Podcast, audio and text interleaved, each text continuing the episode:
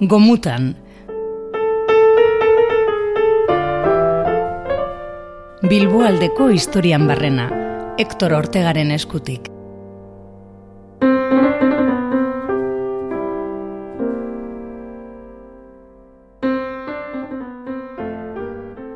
Mila sortzion dalaragoita lauko ustaiak amalau zituen Vicente Blanco Etxebarria deustuan jaiosanean. Inor gutxik esango luke orduan, ume hori txirrindularia izango zenik. Batetik, ziklismoa jaio berria zan, emeretzigarren mendearen amaieran egin baitziren frantzialdean lehengo lasterketak. Bestetik, lehengo urratsak besti bide batetik egin zituelako, aita itxas gizona zuen eta ura bezala, ontziratu eta sukaldeko laguntzaile gisa nabigatu zuen amairu urteko txotxoa zela. Gero, itxasontziko makinak ikatz palakadez elikatzen zaildu zen. Munduan barrena zebilela, ikusi eta probatu itzituen lehengo bizikletak. Baita gustatu ere. Lehorreratzea erabaki zuen eta fabrika handiletan behar ginaz izan. Orduko lan baldintza gogorrak ziren, eta Bixenteren sortea txarra. Basauriko labaskonian lanean zebilela, burdin gorizati batek, esker oina zulatu eta ia era bat zikitu zion. Geroago, Euskaldunan beharrean zegoela, beste istribu batean eskuin oineko bost atzamarrak galdu zituen. Arrez gero, Bixente kosua. Ondoren, mila ofizio horietako bat izan zen. Angulero, olabeagan batelari, baina baita kirolari bikaina ere.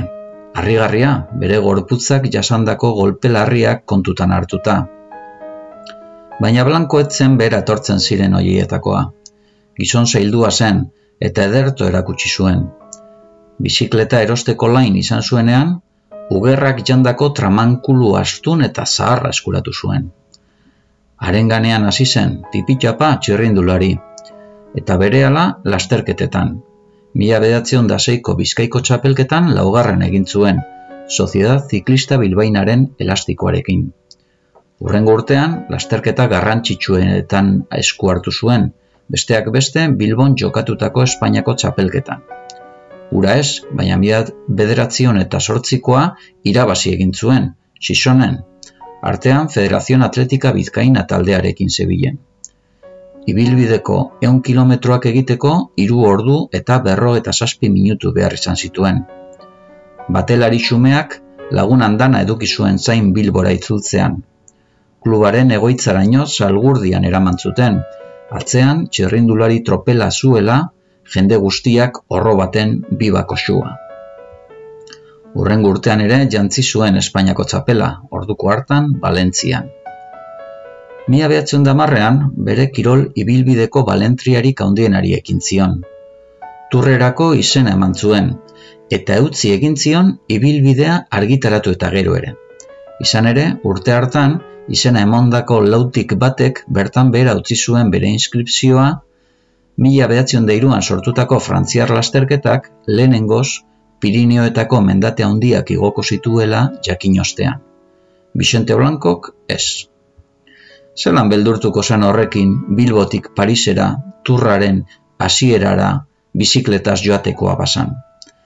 Ama boskioko alzion bizikleta lortu eta haren gainean pedalei eragiten Bilbotik Parisera mila kilometro egin zituen lasterketa baino lehen. Han arkeztu zen, egun da berro eta amabosgarren zenbaki eman zioten, eta bakarkakoa esaten zioten txirrindularien atalean zeilkatu zuten alegia, ekipo gabekoenean.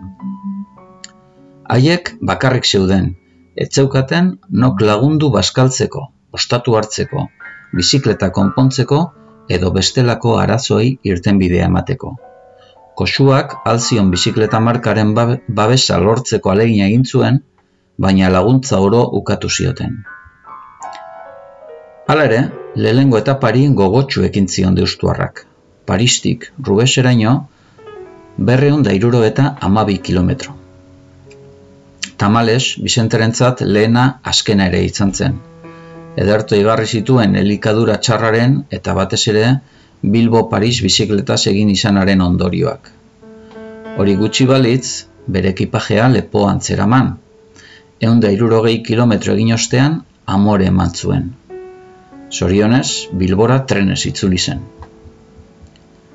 Abenturaren amaiera mingotxak, etzion txirrindularitzan jarduteko gogorik endu. Ustaian bertan, lasterketekin segitu zuen. Mila behatzen damazoian utzi zion bizikletan ibiltzeari, emeretzi garaipeneko palmaresarekin. Eta, batez ere, turrean parte hartu zuen lehen euskalduna izateko ohorearekin. Bere bizitzarekin, argi baino argiago erakutsi zuen, elbarritasunak ez daudela guk pentsatzen dugun lekuan.